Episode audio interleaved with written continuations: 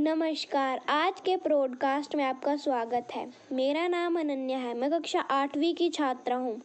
आज मैं आपको वाणी के महत्व के बारे में बताने जा रही हूँ।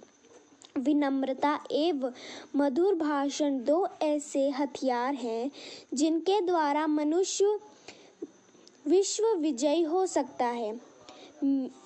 मीठे वचनों द्वारा मनुष्य शत्रु को भी अपने वश में कर सकता है।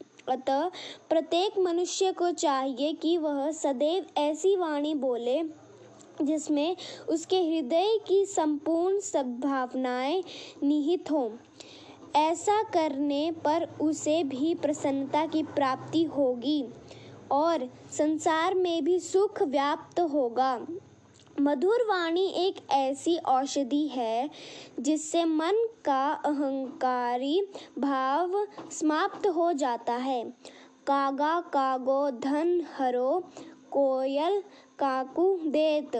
तुलसी, मीठे वचन से जग अपनो करी देत। मधुर भाषण अमृत है और कटु वचन विष के समान है। कटु वचन एक ऐसा जहरीला वाण है जो मनुष्य सुनने वाले के हृदय को अंदर तक भेद देता है। कौआ और कोयल दिखने में एक जैसे ही हैं, लेकिन उनके अंतर को उनकी वाणी बता देती है। मीठे वचन बोलने वाले व्यक्ति संसार में यशस्वी होते हैं। इस प्रकार के वचनों से शिष्टता, उदारता, विनम्रता एवं शांति जैसे गुणों की उत्पत्ति होती है।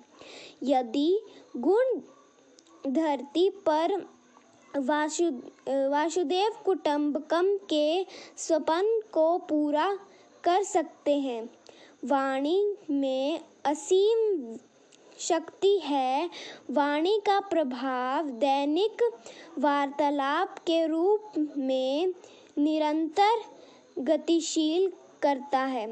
जीवन में उसके अच्छे बुरे प्रभाव देखे जा सकते हैं। वाणी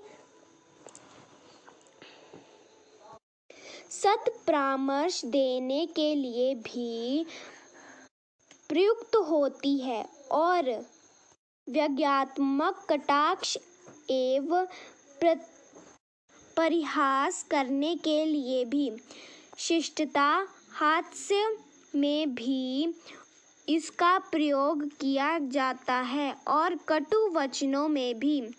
कटु वचनों की व्यंग्यात्मक अभिव्यक्ति भी के द्वारा कुमार्ग की ओर ले जाने के लिए भी इसका प्रयोग किया जाता है।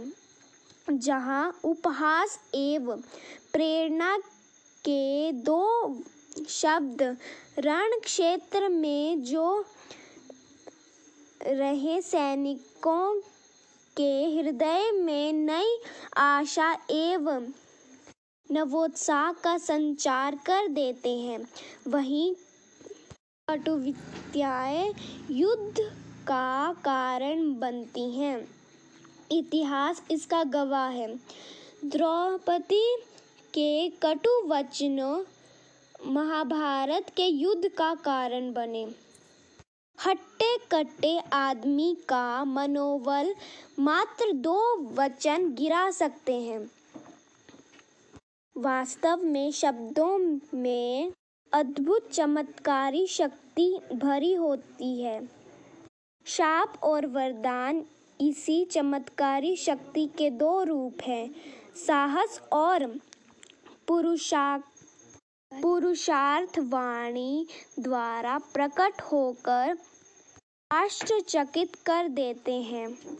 सुभाष चंद्र बोस के इन वचनों कि तुम मुझे खून दो, मैं तुम्हें आज़ादी दूँगा। ने संपूर्ण जग समुदाय को उनके साथ चलने के लिए बाध्य कर दिया। द्वितीय विश्व युद्ध में पराजित इंग्लैंड निवासियों का मनोबल बढ़ाने के लिए चर्चिल ने नारा दिया। वी फॉर विक्ट्री और इस नारे का चमत्कारी प्रभाव भी हुआ। अतः हमें यह भली भांति समझना चाहिए कि वाणी में एक महत्वपूर्ण सामर्थ्य हो जाए, जो परिष्कृत रूप में अमृत तथा विकृत रूप में विष का कारण करती है। धन्यवाद।